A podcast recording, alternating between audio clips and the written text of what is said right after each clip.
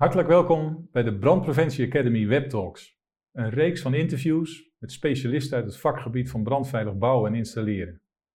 Mijn naam is Johan Bijvank en het onderwerp van vandaag is rook en rookbeheersing. En we praten met Stan Veldpaus van Colt International. Welkom Stan. Dag Johan. Fijn dat je er bent. Als ik zeg rookbeheersing, is dat een, wel een goede term voor wat je doet? Ja, rookbeheersing beschouwen wij als het eh, containerbegrip voor de verschillende manieren waarmee wij rook kunnen beheersen in een gebouw. En eh, zoals wellicht bij de meesten bekend is rook uh, doodsoorzaak nummer 1 bij brand. Dus op het moment dat je de rook kunt beheersen, beheers je ook de gevolgen van de brand. En zoals gezegd, rookbeheersing is het containerbegrip. En rookbeheersing beschouwen wij systemen zoals parkeergarage, ventilatiesystemen, rookwarmteafvoersystemen, overdrukinstallaties of push-pull systemen. Je werkt al lang bij Colt, hè? Ja. Colt uh, International, dus de fabrikant van rookbeheersingssystemen. In, in, je hebt er noemt er gelijk al een aantal op. daar doe je technische dingen en commerciële dingen. En dat doe je al heel lang. Ja. In verschillende rollen, denk ik. In verschillende rollen, ja. Ik mag het al 29 jaar doen. Natuurlijk, zo, ja, onderaan ja. de ladder begonnen, zoals dat zo mooi heet.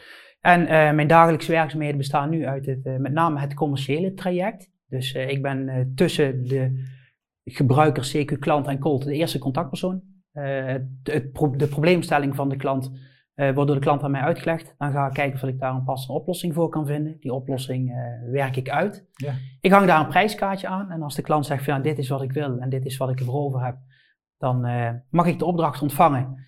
Dan werk ik hem zo ver uit dat mijn, dat mijn organisatie uiteindelijk ervoor kan zorgen dat de installatie gerealiseerd wordt. Ja. Dat is natuurlijk het commerciële deel. Uh, Hoogbeheerssystemen zijn complexe installaties. Daar zit ook uh, heel veel regelgeving aan te grondslag. Mm -hmm. Dus ik ben intern ook verantwoordelijk voor dat mijn mensen die zich bezighouden met de installaties ook uh, steeds op het juiste niveau zijn opgeleid en acteren. En parallel daaraan mag ik ook lesgeven voor BBA Nederland. Dus mijn kennis overdragen. En uh, zendt Colt mij ook uit in een aantal normcommissies om mee te praten met andere specialisten over het niveau. Ja, rookbeheersing en rookbeheersingssystemen. Uh, ja, rook is, uh, is, is ook actueel. Hè? de nieuwe bouwregelgeving gaat komen, die, die legt weer een extra nadruk op rookwerendheid van constructies. Dus daar kan die rookbeheersing en jullie onderwerp is dan wel een mooie. Dan sta je weer aan het begin van iets nieuws en iets moois. Of, of bestaat dat al langer? Ja. Ja, rookbeheersing bestaat eigenlijk al zolang als dat we in gebouwen wonen. Ik bedoel, eh, als we naar een, een, gemiddelde western kijken en we kijken naar een uh, indianentent, dan zien we al de meest eenvoudige vorm van rookbeheersing. Er Oh, zit een ja. gat boven in de tent. Uh, onder zetten ze het deurtje open en men durft rustig in de tent een vuurtje te stoken. Want men weet dat door de ventilatie men niet gehinderd zal zijn door die rook. Dus rookbeheersing bestaat eigenlijk al heel lang. Ja? Uh, wanneer is het dan opgenomen uh, als, een, als een geëigend middel in, in de bouw? Nou, dan moeten we toch wel terug naar de 17e eeuw. Daar is door een rela- 17e eeuw. 17e eeuw, ja. Er is door een relatief kleine brand uh, half Londen afgebrand. Ja, En, eh, 1666 als ik me goed herinner. Oké, ja. ja, ja, ja. En de toenmalige koning, uh, ja, die had besloten dat het zo niet langer kon. Dus die voerde een vorm van, van ventilatie in, maar die voerde ook in dat de huizen niet meer van hout gebouwd zouden worden, maar er moest minimaal een stenen scheiding zijn van het ene huis naar het andere huis. Om ervoor te zorgen dat die rook of de brand niet verder kan. Ja. Nou goed, dan gaan we, zijn we een paar eeuwen verder. Dan zijn we beland in de 19e eeuw. Daar, waar, de, waar de theaters enorm in opkomst waren, maar Ja. waar de verlichting geschiedde met, met gaslampen. En waar in de tijd heel veel branden ontstonden. En toen is ook echt in, in dan kijk je toch weer naar Engeland. In de Engelse werd een regelgeving opgenomen dat de, schouw, de toneeltoren van de Schouwburg voorzien werd van een vorm van ventilatie. Voordat het echt voet aan de grond kreeg, zijn we alweer in de jaren 50, begin jaren 60 van, van de 20e eeuw. Mm -hmm. Toen werd de wereld opgeschrikt door een aantal hele grote branden. Brand bij General Motors, brand bij Chevrolet in Amerika. Waarbij een relatief kleine brand eigenlijk uitmondde in een totalos van het gebouw. Dus voor plants die van, van 100.000 vierkante meter en meer, die gewoon tegen de vlakte gingen eigenlijk naar aanleiding van een relatief kleine brand. Waarom? De brand uh, was niet bereikbaar, de hele ruimte was verrookt, de brand kon niet bestreden worden en de brand kon dus zijn gang gaan. Daarmee zeg je eigenlijk, als je een hele grote ruimte hebt, hè, ik stel me zo'n uh, zo industriehal voor van General Motors, en je hebt er een kleine brand en die verrookt de ruimte, dan heb je een heel groot probleem omdat je nooit meer bij die brand kunt komen. Ja, je kunt niet meer bij die brand komen, maar ook eh, de temperatuur in je, in je ruimte loopt Ja. op. En doordat de temperatuur oploopt, eh, krijg je op een gegeven moment waarbij flash over optreedt. En op het moment dat het flash over optreedt, is het gewoon niet meer beheersbaar. Ja, dus je probeert dat flash over moment uit te stellen, of liever nog te voorkomen. En daar kan ventilatie een enorm grote rol bij spelen. Dat is onderkend en in eh, eind jaren 50 van de vorige eeuw heeft de Engelse overheid dan ook een, eh, een onderzoeksinstituut in Engeland de opdracht gegeven van doe eens onderzoek naar eh, hoe we kunnen voorkomen dat de relatief kleine branden kunnen uitmonden tot een totaal los. Ehm, dat onderzoeksbureau, dat heet Fire Research Station of Birkenwood, heeft bedacht van hey, bij brand komt eh, warme lucht vrij. Warme lucht is, is lichter dan, dan de omgevingslucht. Lichte lucht heeft de neiging om op te stijgen. Ja. En eh, als we nu ervoor zorgen dat we gebruik maken van die thermische eigenschap van die warme lucht, dus van die rook, en we ventileren het, het gebouw uit, zijn we dan van het probleem af. En dat bleek ja, waar te zijn. Dus wij konden dus door goed ventileren, konden wij ervoor zorgen dat eh, A, het flashe-overmoment werd uitgesteld of zelfs werd voorkomen. Doordat Ja. we rook op een goede manier afvoeren, kunnen hulpdiensten meteen bij aankomst de brandhaard lokaliseren. Dus ontzettend effectief de repressie inzetten. En eh, dat heeft uiteindelijk geleid in een samenwerkingsverband tussen Fire Research Station Wormwood en Colt International. Dus we hadden verstand van warme lucht en zodoende werden wij bij het proces betrokken. En dat heeft geleid in twee onderzoeksrapporten, de Technical Paper 7 en 10, waarin beschreven staat hoe het onderzoek is uitgevoerd. Maar ook hoe je kunt rekenen aan een rook- en warmteafvoersysteem. Mhm. En die Technical Paper 7 en 10 is tot op de dag van vandaag eigenlijk nog steeds de basis van alle andere normen die we wereldwijd kennen. Dus rook-warmteafvoer, die ene vorm van rookbeheersing waar we het net over hebben, ja, die heeft eh, ja, in de jaren 60 voet aan de grond gekregen. Oké. En toen kregen we de jaren 70 en 80 en toen ging dat allemaal mooi Ja, door. ja. En ehm, En zie je overigens ook andere vormen van rookbeheersing eh, verschijnen. Ik eh, kan me herinneren dat in de jaren 80 ook de eerste parkeergarages werden uitgerust met een vorm van ventilatie. Die bedoeld was om bij brand de brandweer te ondersteunen. We zien in de jaren 80 ook overdruksystemen voet aan de grond krijgen. Dus ja, in, in die periode heeft het wel een vlucht genomen. Rookbeheersing in de breedste zin. wat kun je eens aangeven? Want je noemde net al snel even wat dingen op die jullie eh, onder dat paraplubegrip allemaal eh, eh, doen. Ehm, kun, kun je eens zeggen wat, wat onder rookbeheersing, wat daar de belangrijkste toepassingsgebieden zijn? En kunnen we dan daarna daar eens wat dieper op ingaan? Ja, nou als we kijken naar, als ik dan even kijk naar mijn eigen praktijk. Ik eh, ben in 1991 eh, begonnen bij Colt International en Colt was op dat moment heel groot op het gebied van rook-warmteafvoersystemen. Dus ik maak ten tijde van brand een gat in het dak. Ik zorg voor een, eh, een toevoervoorziening in de gevel, dus een juiste manier van ventileren. En we hebben een rook-warmteafvoerinstallatie. Eh, niet heel veel later zijn daar uh, parkeergaragesventilatiesystemen bijgekomen. Hè? Dus de tweede vorm van rookbeheersing. Dus de rookluiken, de Ja. parkeergaragesventilatie. En de parkeergarage, die, die, die, die toeters, zeg Ja, ik maar, een beetje sigaren. onerbiedig, die daar aan het plafond hangen. Ja, en een parkeergarage eh, is heel anders te ventileren dan een, eh, een, een ruimte waarin wij traditioneel rook en warmte toepassen, rook en warmteafvoer toepassen. Omdat de parkeergarage per definitie klein, in een, eh, laag, ik bedoel dan laag is, en de parkeergarage veelal ondergronds gelegen is. Ja, dus als je daar een rookluik in het dak maakt, dan komt dat in de ruimte daarboven. Ja. Dus dat heeft niet zoveel zin. Nee, heeft niet zoveel zin. En bij rookluiken moet je realiseren dat er altijd sprake is van rook in de ruimte zelf. Maar die rook zit boven tegen het plafond aan. Mhm. En in de parkeergarage is de plafondhoogte heel laag. Dus een parkeergarage, een willekeurige brand in een parkeergarage, zorgt er heel snel voor totale verroking Ja. van de parkeergarage. Ja. Oh, Dus daar ga je op een andere manier mee om. En dan heb je ook die ventilatoren waar jij je net naar refereerde, die sigaren. Heb je dan ook nodig om eh, de rook eh, een bepaalde kant op te dirigeren en pas daar af te voeren. Ja, we gaan er zo even wat, wat dieper op in. Dus je hebt de rookluiken, de parkeergarage. Ja, dan komen we uit bij de overdruksystemen. Dat is een omgekeerde eh, denkwijze. Want bij overdruksystemen wil ik de te beschermen ruimte vrijwaren van rook. Dus eh overdruksystemen passen veelal toe in trappenhuizen. Trappenhuis is onderdeel van de vluchtweg. eh, is per Extra definitie vluchtroute. is dus per definitie gevrijwaard van rook en hitte. Maar aangrenzende ruimte kunnen die dat trappenhuis bedreigen. Dus als er een brand plaatsvindt in aangrenzende ruimte, kan die rook en hitte in het trappenhuis komen. En dat wil je niet, want daar Nee. moeten mensen vluchten. Dus wat doe je dan? Door heel veel lucht in het trappenhuis te pompen, pomp je het trappenhuis zodanig op dat je voldoende kracht hebt door die lucht in jouw trappenhuis om die rook eigenlijk terug te duwen naar waar die vandaan komt. Dat zijn eigenlijk dan de belangrijkste gebieden die we nou te pakken hebben. Ja, maar wat we tegenwoordig ook heel veel zien is eh, de, de stuwdrukventilatie in, eh, in tunnels. Oh ja. Is, een, ook weer een iets andere vorm van ventileren. Dat is echt luchtverplaatsing. Mhm. eh, vanaf het punt waar, je het, eh, waar de brand ontstaat, een bepaalde richting in. Dus Mhm. eh, stroomopwaarts verrook je de boel. Dan weet je, stroomafwaarts is het rookvrij en kunnen de hulpdiensten de brand met de wind in de rug bereiken. En hebben mensen die in de tunnel zitten ook nog gelegenheid om te vluchten. Ja, hun auto te verlaten en dan door zo'n deurtje in de zijkant. Ja, ja. als mensen dat tenminste doen, dan weet ook dat mensen Ja, hun auto niet mensen graag verlaten. Maar goed, dat is een andere Ik heb discussie. dat ding net gekocht, ik ga Ja, die uit. ga jij niet verlaten. ja, ja. En wat we de laatste tijd ook heel veel hebben gedaan, is eh, push-pull ventilatie in eh, ondergrondse metrostations. Dan brengen we met eh, heel veel kracht mechanisch lucht naar binnen. Mhm. Dus met heel veel met grote ventilatoren blazen we lucht het station in. En aan de andere kant van het station eh, onttrekken we die lucht weer met hele grote ventilatoren uit het station. Daardoor krijg je een hele grote luchtbeweging eh, over het station heen.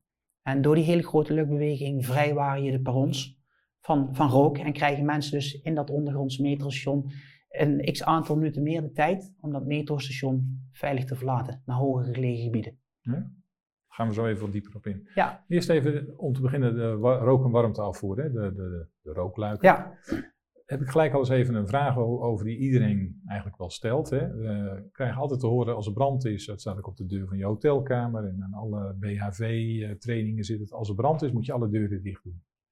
En eh, dan, beperk je, dan beperk je van alles. Ja. Eh, en je zegt bij rook- en warmteafvoer maken we een gat in het dak en we zorgen voor ventilatie dat er genoeg verse lucht binnenkomt. Dus die brand die begint te loeien als een gek. ja, Dat is toch eigenlijk precies andersom? ja, dat zou je denken. En, eh, Ja, ik denk het zelfs. In het, ja, in het geval van een hotelkamer en in het woonhuis heb je gelijk. Want ook ik ben door mijn moeder opgevoed van, joh Stan, als er brand is, sluit alsjeblieft ramen en deuren. Want misschien kunnen we dan de zuurstoftoevoer afsnijden. Ja. zuurstof is één van de onderdelen die een brand nodig heeft om een brand te zijn. En voor eh, hotelkamers en eh, woningen en kleine volumes klopt dat helemaal. Alleen eh, de gebouwen waarin wij rookwarmteafvoer toepassen, zijn grote gebouwen. Dan moet je denken aan bijeenkomstgebouwen zoals een RAI, een MEC in Maastricht, eh, winkelcentra of grote industriehallen, bouwmarkten. Dat zijn eh, gebouwen waarin per definitie al heel veel volume lucht zit. En dat volume lucht bevat voldoende zuurstof om een brand brand te laten zijn. Dus je, je krijgt daar nooit een ventilatiebeheerste brand. Nee, Want er is gewoon heel veel lucht aanwezig al. er is heel veel lucht Dus aanwezig. het En- maakt niet uit of er nog wat bij komt. Nee, correct. En dan heb je dus, eh, als je zo'n zo'n brandscenario, hè, nou laten we zo'n, eh, dan kunnen we ons wel voorstellen, een eh, lichte industriefunctie voorstellen, zo'n eh, zo'n distributiecentra, Ja. zoals we tegenwoordig veel hebben. Er begint ergens iets te branden, dan ontstaat een brand, en die rookluiken gaan open. En dan, dan gebeurt er wel van alles. Hè. Dan, dan verplaatsen volume, volumes gassen zich Ja, en de kunst van het RWA, dat is dat je dat kunt. Eh, gecontroleerd afvoeren. ja, en, en, eh, hoe, hoe pak je zoiets aan? Hoe, hoe, ga je dat nou vormgeven? Ja, het, begint Hoe met, weet je hoe groot de luiken zijn en hoeveel je er nodig hebt? En Ja. zulke soort zaken allemaal. het begint met de vraag van wat wil je bereiken met de toepassing van je rookwarmteafvoerinstallatie. Mhm. Is het doel dat je eh, ondersteuning wilt bieden voor ontvluchting? Of is het doel dat je ook op het moment dat de hulpdiensten aankomen, dat zij zicht de brandhaard hebben en repressief kunnen ingrijpen? Ontvluchting kan betekenen dat je installatie maar een paar minuten hoeft te bewerkstelligen dat er sprake is van een bepaalde rookvrije hoogte. Praten we over inzet van hulpdiensten, dan praat je al gauw in tijdspannes van 20 minuten of meer, waarbij die rookwarmteafvoerinstallatie ervoor moet zorgen dat er sprake is van een bepaalde rookvrije hoogte. Ja. En niet alleen rookvrije hoogte is belangrijk, doordat jij boven in je ruimte eh, die rooklaag hebt zitten. Die rooklaag heeft een bepaalde temperatuur. En die bepaalde temperatuur mag niet leiden, ertoe leiden dat andere materialen weer gaan ontbranden, Ja. waardoor je dus meer brandhaarden krijgt. En het mag er ook niet toe leiden dat je hoofddraagconstructie zegt van ja, deze temperatuur vind ik niet meer leuk. Nu ben ik geen hoofddraagconstructie meer. Precies. Dus eh, je moet ook zorgen dat die rooklaag die bovenin zit, eh grenswaarden heeft die beneden dat soort waarden zitten. Ja. Dus waar we mee starten is de vraag van wat is het doel? Wat wil je Ja. bereiken met de installatie? Ja, want in mijn voorbeeld, voorbeeld van zo'n lichte industriefunctie en distributiecentrum, daar zijn bijna geen mensen. Nee. Dus daar is veilig vluchten helemaal niet zo'n issue. Want Nee. als daar in zo'n hal twee mensen aanwezig zijn, ja, die, eh, en die zijn getraind, met, die, die kunnen daar snel uit. En Ja. je hebt dan niet de grote menigte van. Dus dan heb je waarschijnlijk meer dat je de materialen die daar licht wil beschermen, dat Ja. het meer een verzekering zijn. Is Zou ook kunnen, ja. Ja. ja. Schadebeperking is ook een reden waarom dat je rookwarmteafvoer zou willen toepassen. Of rookbeheersing in de breedste Belangrijk zin. genoeg natuurlijk. Ja, dus we beginnen met de vraag het doel? Wat wil je bewerkstelligen met die rookwarmteafvoerinstallatie? Als doel je bekend is, dan ga je afpellen in, in je project van waar verwacht jij het worst case scenario? Ja. Welke, welke, waar in jouw ruimte verwacht jij dat, dat de ergste brand zal plaatsvinden? Ah, Als we kijken naar lichte industrie, misschien heb jij een hele hoek waar lege pallets liggen. Oh ja. dat is een andere brand als ze 10 meter verderop, daar waar de productielijnen staan. Dus je Ja. pelt af in je object waar zit mijn worst case scenario. Mhm. En op basis van het worst case scenario ga je ontwerpen. Dat kan betekenen dat de uitkomst van het ontwerp jou niet aanstaat. Nou ja. Dat, dat de installatie te groot is of niet reali- realiseerbaar. Dan kun je besluiten, Dan, hey, ik ga- elimineer het scenario. Ik haal de, ga de pallets buiten neerleggen. Bijvoorbeeld. Ja, dus zo pel je de, de, het geheel af in, in overleg met, eh, met je aanvrager, dus met, met je klant. Mhm. Eh, je, je pelt af van wat is voor hem wel acceptabel, wat is niet acceptabel. En op het moment dat je worst case scenario hebt vastgesteld, ga je rekenen met behulp van rekentools die ons beschikbaar worden gesteld. En dat is ja, wet en regelgeving. Dat is in ons geval het normatieve kader. En er zijn een aantal normen beschikbaar.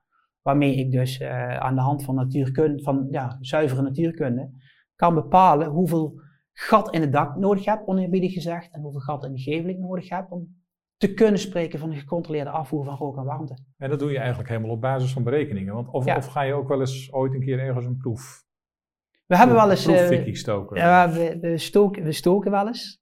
Maar eh, je moet je realiseren, dit is brand. Ja. En eh, brandproeven zijn destructieve proeven. Ja, Dus eh, hoe, hoe beproef jij een brand die in wezen ja, eigenlijk eh, enorme schade kan veroorzaken? Ja. Dus beproeven doen we niet snel. Gelukkig hebben we daar tegenwoordig andere methodieken voor. Dat is simuleren op basis van computer. CFD. Ja, CFD-simulaties. En. CFD-simulaties is, mits goed toegepast, mits gebruikmakend van de juiste software, en een ontzettend sterke en krachtige tool om aan de voorkant te kunnen voorspellen wat jouw ontwerp eh, in de praktijk Ja. zal doen. Ja. En CFD kun je ook valideren.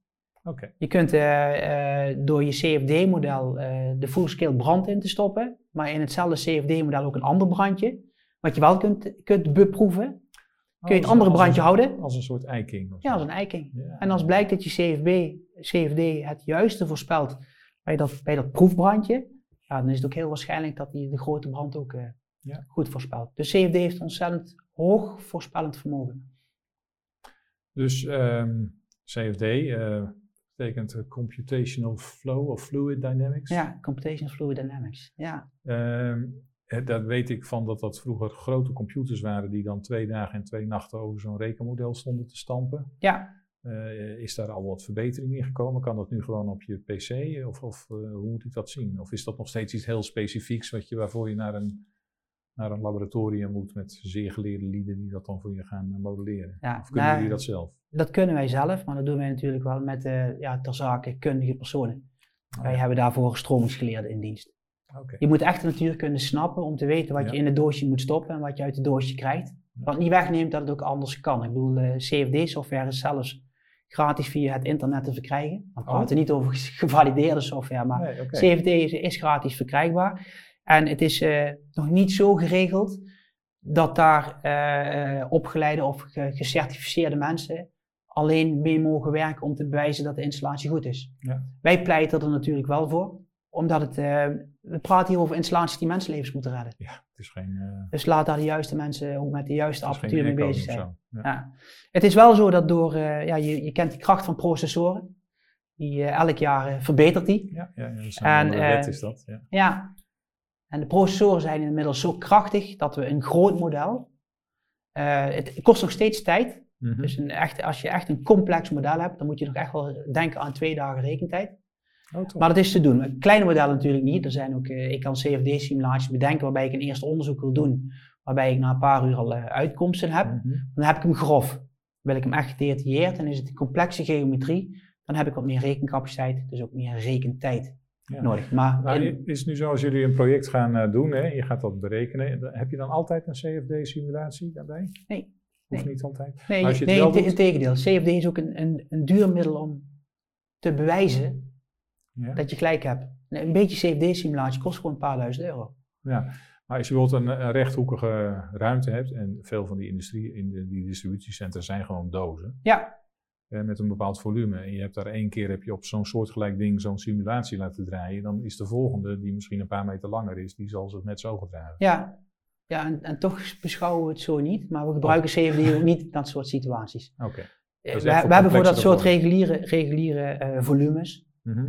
daar hebben we gewoon onze standaard normen voor. En in die standaard normen zitten de standaard rekenregels. En Ja, die zijn ja, voldoende ja. gevalideerd.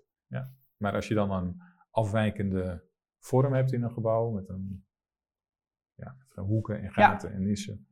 Dan ga je dat modelleren in je CFD-omgeving. Ja, dan is CFD een ontzettend mooi, mooi middel om te kijken of dat je het goed doet. Hebben jullie dan wel eens het idee, ook dat je daarna zit te kijken, denk je, nou, dit had ik nou niet verwacht, dat, die zo, ja. dat de brand zich, of dat de rook zich zo zou gaan gedragen. Ja, dat komt nog wel eens voor, ja. Het is natuurlijk heel complex, want het is complexe business. Het is thermodynamica. Hè? Gassen die opstijgen, afkoelen, daardoor minder snel opstijgen, uh, warmte af. Het is heel complex. Ja, absoluut. Ja. ja. Mooi. Het is wel leuk om mee bezig te zijn. Absoluut. Nou is het zo dat als je de brandwerendheid van een wand of een plafond, die wordt getest in een testlaboratorium. Hè? En dan wordt dat nagebouwd, aangestoken. En dan heb je daar een zekere mate van voorspelbaarheid. Ja. Maar je weet natuurlijk ook niet of de brand zich zo gaat gedragen als dat in de oven gebeurt. Hè? Niet iedere brand houdt zich keurig aan die curve. Aan die curve. Nee, ja. er zijn hele eigenwijze branden bij. Dus er zit ook wel een stukje onzekerheid in. Maar met dat CFD-model, dan ga je eigenlijk het wel heel erg toespitsen als een soort maatwerk op een bepaald project. Ja. Dan zou je bijna kunnen zeggen dat je nog nauwkeuriger bent dan met de praktijkproef. Ja, maar ook in een CFD-model geldt dat je... te ver? Nou ja, nee eigenlijk niet. Maar wat je bij een CFD-model eh, ook doet, je, je, je doet een aantal aannames. Altijd Als je een CFD-model maakt, waar je mee begint, is uh, de buitentemperatuur. Oh, modelleer je met 20 graden buitentemperatuur of modelleer je met 10 graden binnentemperatuur? Nou goed, in de praktijk blijkt dat niet zo heel veel uit te maken, maar het is maar een voorbeeld van een parameter die invoert. Ook de aanname van je brand. Ja. als we bijvoorbeeld kijken naar parkeergarage ventilatiesystemen, daar gebruiken we juist heel veel CFD om te ontwerpen. En daarvan hebben we met z'n allen afgesproken dat die brand een bepaalde curve vervolgt. En dat er maximaal drie auto's in de brand staan. Oh ja. En dat de eerste auto brandt en pas na een x aantal minuten de tweede auto aansteekt en na een x aantal minuten de derde auto aansteekt. En dat er bij een autobrand een bepaald vermogen vrijkomt. Maar ja, staan er drie trabantjes in de brand of staan er drie Tesla's in de brand? Ja. Daar hebben we gewoon basisafspraken voor gemaakt. Dus ja, en de aanname van die, van die brand is ook wel de meest grote aanname die het in CFD-model doet. Dus ja, CFD is nauwkeurig, maar je moet je wel realiseren dat je ook wel aannames maakt om tot de conclusie te komen. ik, toen je net vertelde over dat je gaat inventariseren wat de wensen zijn van een opdrachtgever en hoe zijn gebouw in elkaar zit. En er ligt bijvoorbeeld in een bepaalde hoek ligt een stapel pallets en oké, dan is dat zo en dan ga je daarmee werken. Dan moet hij gedurende de verdere levensduur van het gebouw, moet hij wel die pallets altijd in die hoek blijven liggen. Ja. Dus dat is een soort gebruiksbeperking die je wel krijgt. Kun je daar eens iets over vertellen, hoe, hoe dat werkt? Of dat altijd zo is? Of, of... Ja, nou het is zo dat wij een. Uh, ik ben blij dat, overigens dat je die vraag stelt, want rook-warmteafvoer is een, een combinatie van uh, wat bouwkundig aanwezig is ja. en hoe de organisatie in elkaar steekt. Ja. Dus je hebt eigenlijk drie pijlers waarop een rook-warmteafvoerinstallatie of een rookbeheersysteem in de breedste zin op de juiste manier kan acteren. Dat is mhm. bouwkundig, organisatorisch en uh, installatietechnisch. Ik zeg het in de verkeerde volgorde, want in de volksmond korten we het af als bio-maatregelen.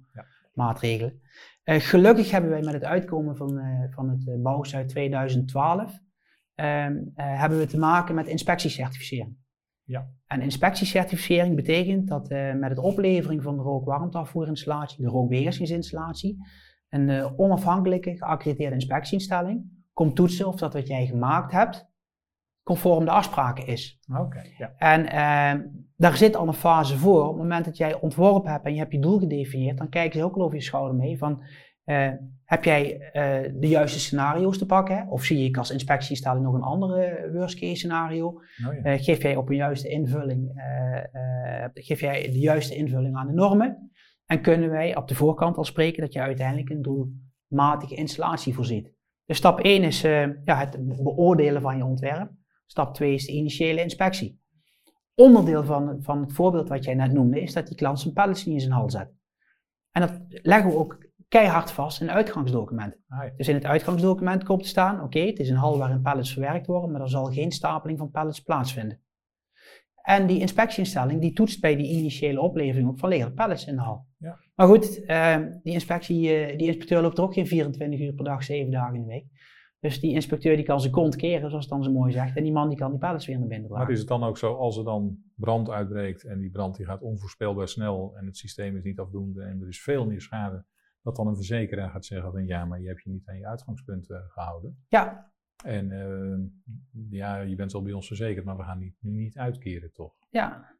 Dat zou, dat zou ik als, als eigenaar van zo'n pand, zou dat voor mij een enorme motivatie zijn om... Uh, ja, zelf elke dag te controleren. Ja, nou, niet, niet, niet, alleen, niet alleen de verzekering. We moeten ons realiseren dat als je door een brand getroffen wordt, een significante brand getroffen wordt, dat heeft een impact Ja. op, op je bedrijf, op je bedrijfsvoering, op je mensen die er werken. Continuïteit van je bedrijf. Continuïteit. En we weten gewoon dat een groot aantal bedrijven die getroffen worden door een significante brand, die overleven het niet Oh. als bedrijf. Ik, ik heb het even niet over mensenlevens, ik heb het over het bedrijf. Ja, ja, ja. En dan, dan praat je dus over mensen die op straat komen staan. Je praat over eh, levenswerk wat verloren gaat. Je praat over eh, materialen die verloren gaan. Je praat over milieuschade. D- dat zou er meer in moeten zitten dan, eh, dan het idee van: oké, ik voldoe aan de bouwsluit, ik krijg mijn bouwvergunning, ik heb een goed, goed pand. Nee, dat, dat wil helemaal niet zeggen dat je een goed pand hebt. Bouwbesluit beschrijft de ondergrens. Ja. Dat is net als met, met mijn auto. Ik koop een auto, dan moet de autogordels in zitten. Ik ben blij dat er autogordels in zitten, want dan rijd ik met 50 tegen de boven, dan helpt die autogordel mij. Maar ik wil een beetje meer. Ik vervoer mijn kinderen in mijn auto. Dus ik kies een auto waar ook airbags in zitten. Dat is, side- dat is een keuze die ik maak. Waarom? Mocht ik onverhoopt dan toch dat ongeluk hebben, dan weet ik in ieder geval dat ik beter beschermd ben dan wanneer ik die maatregelen niet heb getroffen. En inderdaad, het bouwbesluit is inderdaad een hele mooie vergelijking. Het bouwbesluit is een auto met alleen De autogordel. erin. Ja, En een voorruit en een rem. Precies. it. Tweede onderwerp wat onder rookbeheersing valt. RIA hebben we nu Ja. besproken. Tweede onderwerp wat eronder valt ehm, is de parkeergarages hè, zei je, en het ontroken daarvan. Ja. Ehm, ik, ik loop wel eens door een parkeergarage en dan zie ik zo'n, inderdaad zo'n ventilator hangen. En dan vraag ik me toch wel eens af van, goh, als hier nou een paar auto's staan te branden en er komt echt onvoorstelbaar veel rook af. Waar, waar gaat dit ding dat dan naartoe blazen? ja, kun je eens wat vertellen over wat nou de principes zijn van hoe dat werkt? Waar, waar, waar wordt die rook naartoe geblazen? Hoe, hoe werkt dat nou? Ja. Hoe gaat dat? Dan moet ik eigenlijk onderscheid maken in eh, de systemen zoals we die maakten voor ongeveer 2010, 2012 en de systemen die we daarna maakten. Voorheen was een rookbeheersingssysteem in een parkeergarage bedoeld als een nazorginstallatie. Dus eh, er ontstaat een brand er ontstaat, en de auto's gaan in brand en we gaan ervan uit dat onze brandweer die brand blust Mhm. en uitkrijgt. Dan was het bedoeling van het ventilatiesysteem dat we na 60 minuten, of sorry, eh, na 45 minuten die garage in konden om te kijken van zijn er nog brandhaartjes, smult het nog ergens en zijn er slachtoffers. Een nazorginstallatie. Een relatief eenvoudige installatie gebaseerd op het volume van de garage, keer 10 en dat is je ventilatiefout. Maar even kijken om het goed begrijp. Dus je hebt, er breekt een brand uit in, in dit nazorg eh, Ja. eh, eh, scenario. Eh, die brand wordt wel geblust. Ja. Dat betekent dus dat de brandweer naar binnen gaat om te blussen, midden in de rook. Klopt. Met hun ademlucht Ja. en eh, beschermende kleding. Ja. Gaan ze daar gewoon die, de, donkerte in, vinden daar ergens eh, die brandende auto en blussen hem. Ja.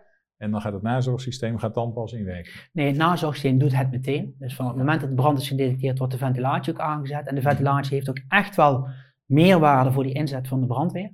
Maar niet de meerwaarde die je zou willen hebben. Het rookvrij kunnen benaderen van de brandhaard. Daar is de installatie niet voor bedoeld. Het was echt een nazorginstallatie. Dus ja, hij helpt jou die eerste 45 minuten. Maar hij was echt bedoeld om na 45 minuten te kunnen zeggen, oké, de garage is nu zo ver doorgespoeld. Dat ik eigenlijk zonder beschermende middelen eh, in de garage Ah, onderzoek eh, kan doen naar zijn er misschien nog andere brandhaartjes, liggen er slachtoffers. Ja. Daar was die oorspronkelijk voor bedoeld. Nou, op een gegeven moment heeft brandweer Nederland gezegd, ja ho eens even, het is helemaal niet gemakkelijk om in een parkeergarage je werk te doen. Dus een nazorginstallatie is een leuke installatie, maar ik wil meer. Ja, want ik wil gewoon normaal kunnen blussen. Ja, zonder, eh, ik wil de brandhaard kunnen bereiken. Ik wil, eh, De, de brandweer heeft ook eh, door ook allerlei onderzoeken veel meer ontzag voor rook gekregen. Ze weten dat het heel erg ongezond is voor brandweermensen. ja, En dat het ook dwars door overal doorheen. hè, dus ze zijn veel beduchter daarvoor geworden. Dat zal er ook wel mee te maken ja. Nou, wij maakten vroeger intern ook het grapje toen het roken heel erg op zijn retour was. Ja. Dat wij intern zeiden van ook de brandweer heeft recht op een rookvrije werkplek.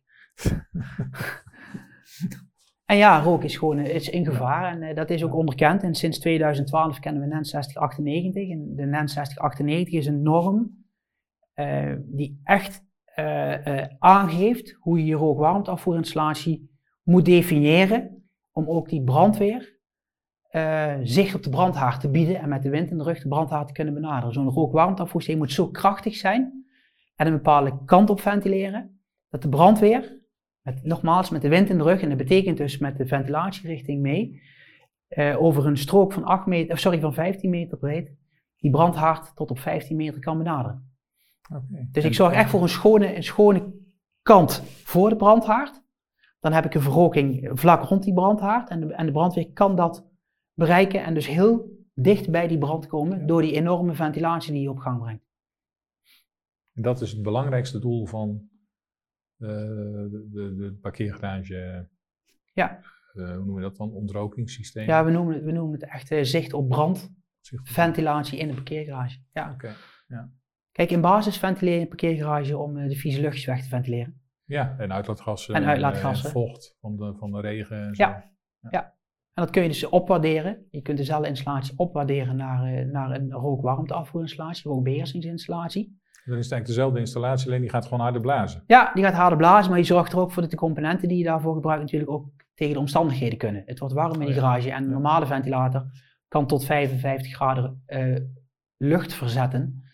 Maar het wordt warmer in die garage, dus je wilt ventilatoren hebben die bestand zijn tegen hogere temperaturen gedurende langere tijd. Dus je praat er al over ventilatoren die, die gedurende een uur 200 graden kunnen hebben of een uur 300 graden. Of, ja. En gewoon vrolijk door blijven En stampen. vrolijk door blijven stampen, ja. Oké, helder verhaal. En dan hadden we het volgende onderwerp wat eronder viel. De overdrukinstallatie. Overdrukinstallatie, ja. ja. We hebben een bouwbesluit staan als je een gebouw de hooggelegen vloer boven de 20 meter is, heb je rooksluizen nodig. Ja.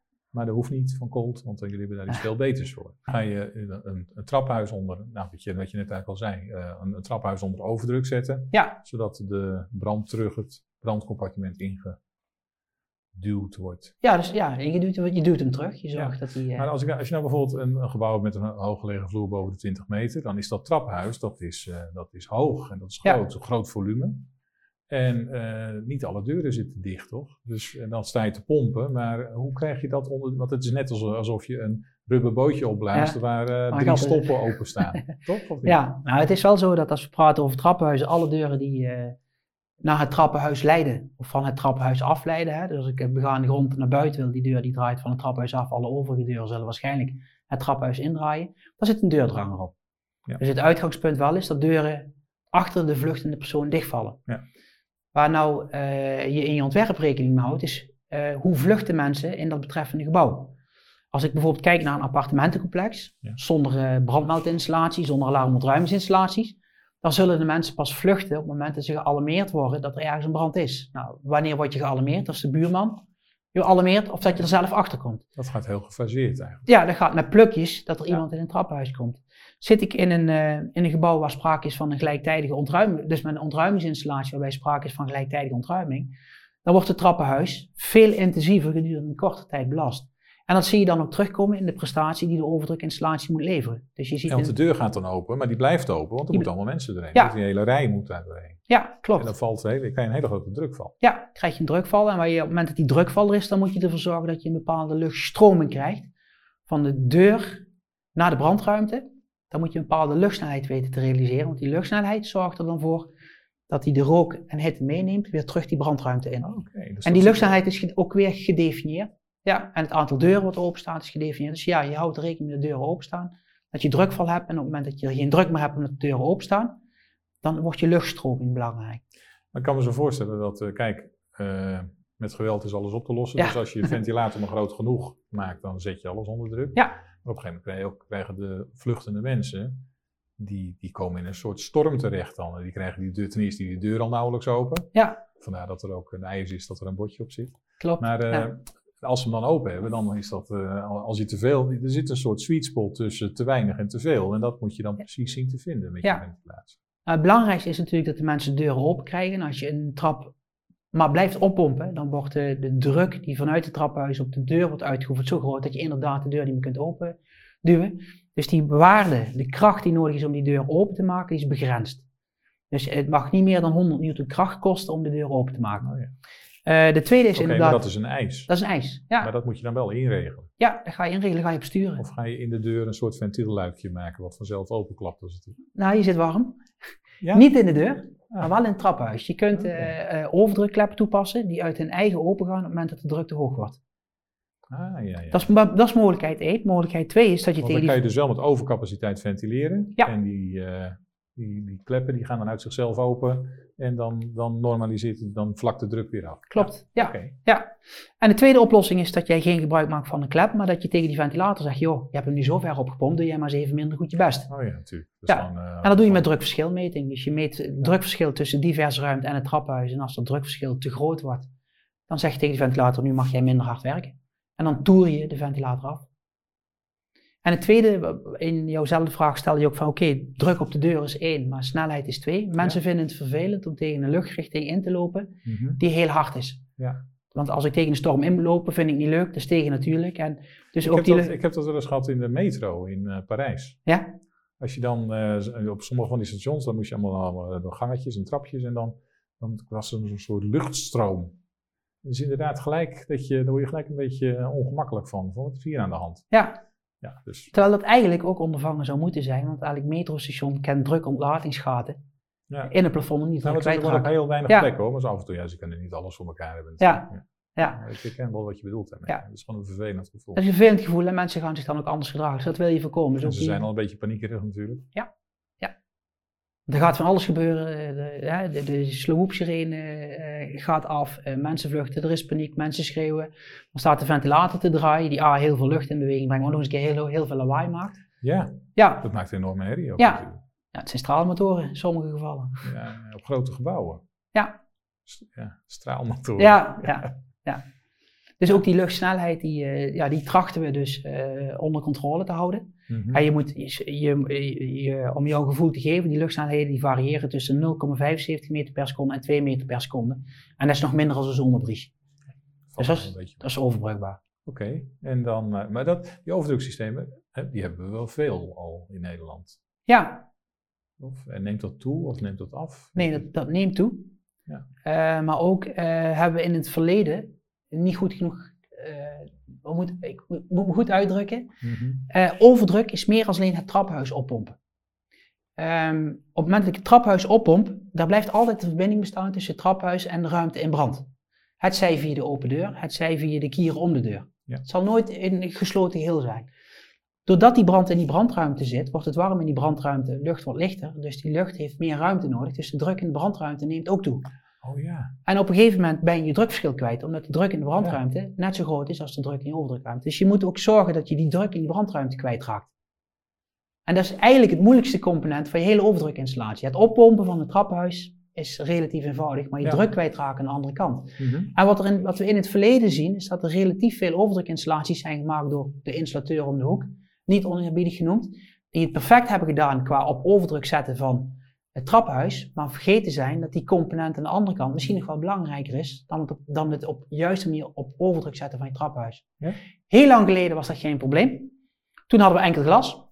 Nou, ja, enkel glas knapt. Ja, en dan heb je automatisch je drukverhevening natuurlijk. Ja, maar we zijn natuurlijk ook energiezuiniger gaan bouwen. Dus eh, isolatieglas heeft zijn intrede gedaan. En isolatieglas knapt niet zo makkelijk. Nee. En nu is dan ook de stellingname dat je er niet vanuit mag gaan dat je, dat je, dat je ruitbeglazing knapt. Dus je moet een andere manier bedenken om eh, die druk uit die brandruimte kwijt te raken. Gevelventielen. Gevelventielen. Ja, Nou, even kijken hoor, want dan hebben we de RWA gehad. Ja. De parkeergarage, overdruksystemen. En dan hadden we er nog ja de push-pull systeem. push-pull systemen Ja. van het metrostation. Ja, een, eh, een concept wat we heel veel toepassen in metrostations. Wacht even, hoe, eh, hoe moet ik me een brand in een metrostation voorstellen? Wat gebeurt er dan? Dus een soort scenario van, denk ik. Ja, en dat verschilt natuurlijk van, eh, van exploitant tot exploitant, maar de meeste, de meeste, de meeste exploitanten rijden met een brandende metro door tot het station. Oh ja. Dus ze stoppen niet in de tunnel. En ik heb het specifiek over metro's. Hè. Tre- treinen is weer anders geregeld en verkeerstransities. Maar als ik kijk naar metrostations. Het meest gebruikte scenario is dat eh, een brand wordt gedetecteerd in de metro. En er wordt een opdracht gegeven aan de bestuurder om door te rijden naar het station. Ja, want op een metrostation zelf heb je veel minder kans op brand, want er zijn minder ontstekingsbronnen, maar in ieder geval minder brandbare materialen. Ja, die zijn er toch ook wel. Er staat een keer een machine waar je, waar je snacks kunt kopen en Oh ja. drank kunt kopen. Ja, en ja. Er is, er is, maar jouw, jouw metro is jouw grootste brandhaard die je kunt verwachten. En die komt wel je station binnengereden. Ja. Nou, dan moeten de mensen eruit. Eh, de mensen moeten over een relatief klein perron eh, zien te vluchten naar hoger gelegen gebieden. En in de tussentijd staat die metro te branden, dus rook te produceren. Ja. En een metrostation, vergelijkbaar met een parkeergarage, is normaliter relatief laag. Ja. Dus ik heb ook geen buffer om die rook kwijt te raken. Ik moet die rook eigenlijk meteen kwijt zien te raken. En dat doe ik door eh, op een uh, enorme krachtige manier een luchtstroom in beweging te brengen, die van het begin van het station naar het einde van het station blaast. Afhankelijk van waar de brandhaard zit. Zit de brand uh, in, de, in, het eerste rijtuig, dan, dan ventileer ik van A naar B. Zit de brand in de andere kant van het rijtuig, dan ventileer ik van B naar A. Dus we praten over omkeerbare systemen die en, de kostenweg, over de kostenweg de rook wegblazen. En haal je de frisse lucht uit een tunnelbuis en blaas je er ook de andere tunnelbuis in? Klopt, ja. Okay. ja. En uh, wat we naar binnen blazen is minder dan wat we eruit halen. Doordat we er meer uithalen als inblazen, dwingen we ook om lucht via trappen, het, trappen, uh, het metrostation binnen te komen. En daardoor creëer ik dus een luchtbeweging over de trap naar beneden, die hetzelfde doet als wat we net zagen bij overdrukinstallaties, die die rook meeneemt. Waardoor ik dus hoger gelegen gebieden vrij waar van rook. Ik zou in plaats van rookbeheersing zou ik het over uh, ventilatietovenaars gaan uh, hebben. Ja. dus, uh, en dan hadden we, ja dan hadden we ze. Dat zijn eigenlijk de meest, voor, de meest voorkomende thema's. En er zijn ja. Altijd andere oplossingen denkbaar, maar dit zijn eigenlijk de vier pijlers waarop rookbeheersing in Nederland wordt bedreven. Ja. Heb je nou ook voorbeelden van situaties waar een brand was ontstaan en waarbij een rookbeheersingssysteem in een of andere vorm uh, heel succesvol werkte. Ja, ja gelukkig. Ja, ja. ja, dat de praktijk de theorie bewijst. Um, er is een brand geweest in een, uh, in een bouwmarkt, waarbij een rookwarmteafvoerinstallatie aanwezig was, waarbij het personeel goed geïnstrueerd was mm -hmm. en uh, waarbij er bewust een brand was uh, gemaakt door een ontevreden klant of medewerker of whatever. Maar in ieder geval iemand heeft moedwillig een brand gemaakt. Ja, in een best wel on ongelukkige stelling. Ik bedoel, een, een, brand in een stelling met, met behang is een andere brand als een stelling waarin kruiwagens staan. Ja. Dus die betroffen persoon wist goed wat hij deed. Mm -hmm. heeft een brand in een stelling gemaakt. Het branddetectiesysteem, want daar zou ik het al heel even met je over willen hebben. Maar het branddetectiesysteem heeft tijdig de brand ontdekt, mhm. direct een signaal gestuurd naar eh, de rookwarmteafvoerinstallatie. De rookwarmteafvoerinstallatie is daarop meteen geopend. Heeft de rook en hitte afgevoerd op de wijze waarop wij aan de voorkant wilden dat die afgevoerd zou worden. Mhm. En het personeel is in staat geweest de brand zelf te blussen. Ja. Nog diezelfde dag uh, zijn de brandende uit de bouwmarkt gehaald. Plafond is opnieuw gewit en de volgende dag was de bouwmarkt open. Ja, dat noem ik een succesverhaal. Dat noem ik een succesverhaal. Ja, mooi. En dezelfde succesverhaal, maar die ligt misschien wat gevoelig. Ja. Om, even op deze door te gaan. Als dat rookluik er niet geweest was, dan was de ruimte snel verrookt. Dan hadden de mensen, de, de BHV'ers zeg maar, die hadden niet daar lang kunnen blussen in ieder geval. Die hadden dan weggemoeten en dan was gewoon dat een totaal los geworden. Was een totaal los geworden. Een ander, ander succesverhaal is een brand in een uh, penitentiaire inrichting. Er was uh, ook weer sprake van een uh, goed gedimensioneerde werkende brandmeldinstallatie, goed ge, ge, ontworpen en geïnstalleerde rookwarmteafvoerinstallatie en een goed geïnstrueerd personeelsbeleid. Waardoor uh, bij een brand in de cel, en ik zeg al, hij ligt gevoelig, want we hebben ook andere, een andere situatie in meegemaakt. Absoluut. Maar waarbij door een brand in de cel het beperkt is gebleven tot de brand in de cel. Er geen slachtoffers zijn gevallen. Heeft dus weinig nieuwswaarde. En heeft het nieuws ook, uh, ook niet geruisloos voorbij. Hij is geruisloos voorbij gegaan, ja. Wat ik nu wel heel interessant vind aan wat je nu vertelt, zat in iedere cel een uh, rookluik? Nee, nee, nee. En waar is de gevangene gebleven? ja, ja. ja, nee, de gevangene is gered. Oké. Ja, en uh, nee, de rookwarmteafvoer zit niet in iedere cel. De rookwarmteafvoer zit in het centrale deel, waar de grenzen aan, waar de, de cellen aan grenzen. Ja, en waar ook iedereen doorheen, doorheen moet vluchten. In, ja. in, in, het begin, hè, wat jij over rook en warmteafvoer vertelde, vertelde je over rookluiken die opengaan en dat de rook door zijn eigen uh, lichtheid vanwege de hitte uh, omhoog wil, dus zijn eigen stijgingskracht heeft. Maar je kunt dat natuurlijk ook, uh, de, de, ventilatiesystemen die je bij de parkeergarage beschreef, die kun je ook weer gebruiken om een rook- en warmteafvoersysteem zonder rookluiken te krijgen, wat dan zo'n cel leeg trekt. Ja, maar daar zeg is... ik dat goed? Dat is, ja, ja, alleen dan wordt het uh, een buitensporig grote installatie. Oh. Want dan moet je elke cel voor zijn eigen afvoervoorziening voorzien. Ah. En die afvoerziening moet groot, per cel groot genoeg zijn om die brand te handelen. Maar hoe was dat dan georganiseerd bij nou, goed, voorbeeld? Ja, we weten, we weten dat die brand in een cel kan ontstaan. Dus we weten mhm. ook dat daar, uh, dat daar zich slachtoffers kunnen bevinden. Maar we weten ook dat het hele cellencomplex ontruimd moet worden. En we concentreren mhm. ons dus op het ontruimen van het hele cellencomplex. Dat betekent wel dat die brand in die cel zit. Ja. En die cel die beschouw ik als verloren. Dat wil niet zeggen dat ik de persoon daarin als verloren beschouw.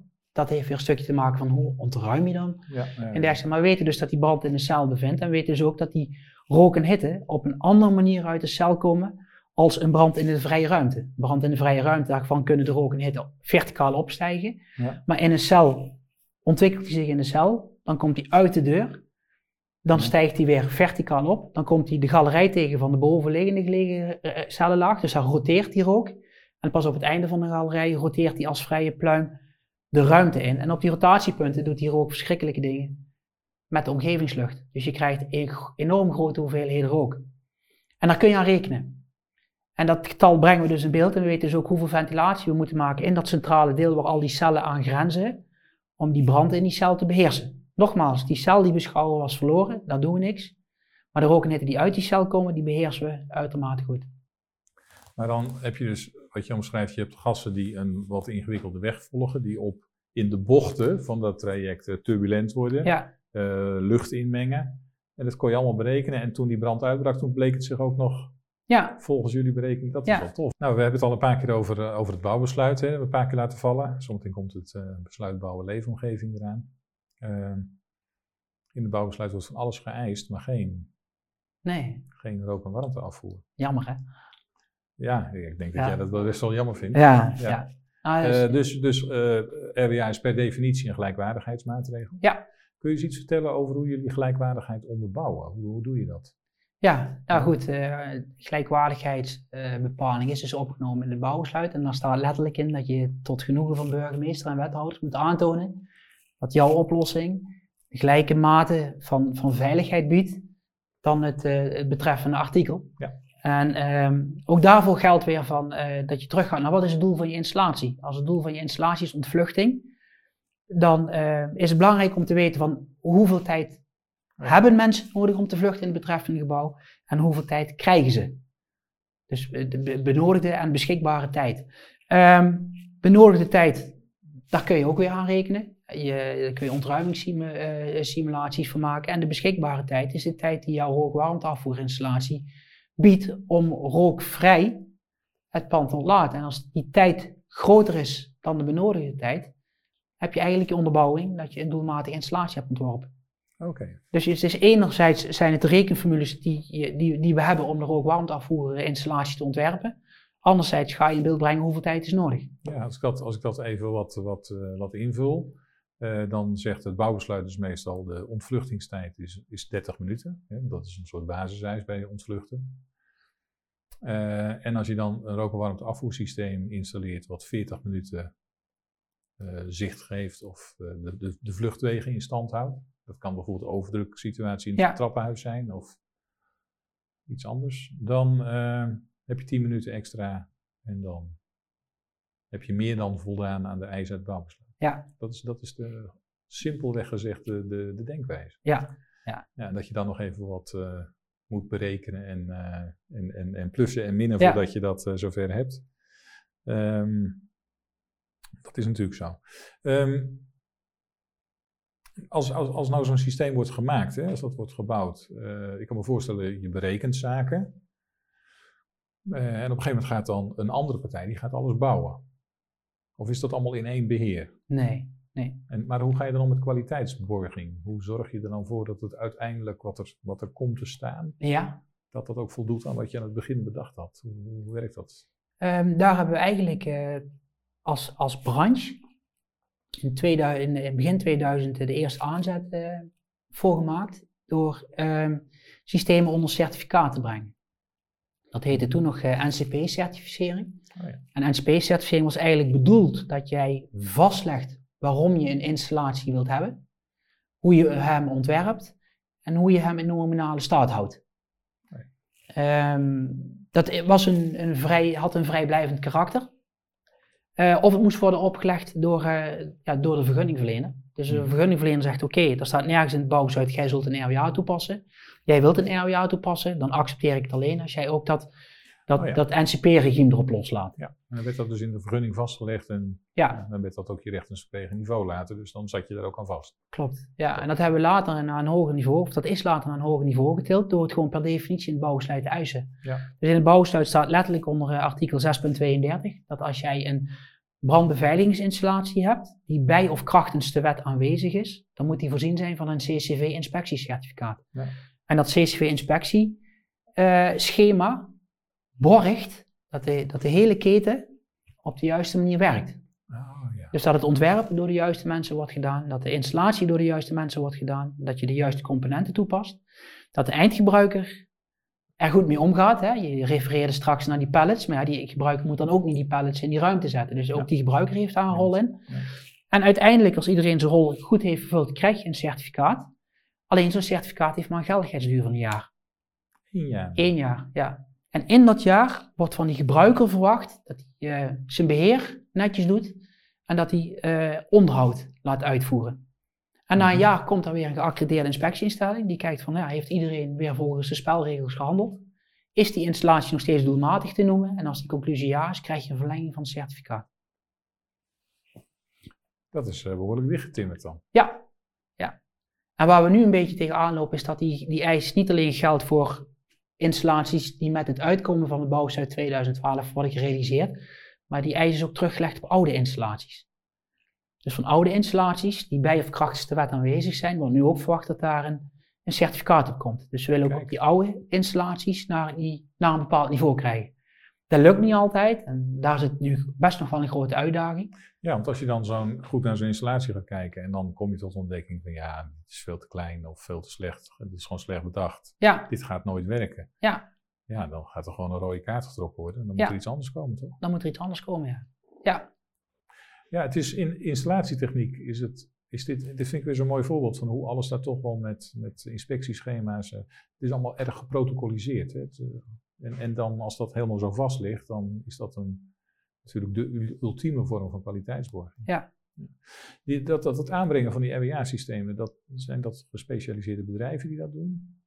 Eh, Het is, het is, eh, of doet gewoon een aannemer dat? ja. Of, of, nee, dat? zijn gespecia- gespecialiseerde bedrijven die dat doen. Er zijn er ook maar een aantal in Nederland die, eh, Die weten echt hoe dat werkt en die Ja. kennen de schema's ook natuurlijk. ja. En dan is het ook nog een beetje afhankelijk van, we hebben straks vier vormen van rookbeheersing benoemd. Ja. Er zijn bedrijven die houden zich alleen bezig met tunnelventilatie. Er zijn Oh, bedrijven die houden zich alleen bezig met parkeergarageventilatie. Er zijn bedrijven die houden zich alleen bezig met RWA-installaties. Het zijn echt allemaal hardcore specialisten. Ja, zijn hardcore specialisten. Ja. Ja. Ook niet zo toegankelijk om, om daarbij te horen, denk ik. Want je moet wel het een en ander weten en kunnen. Om Ja. het goed te kunnen. klopt. Ja.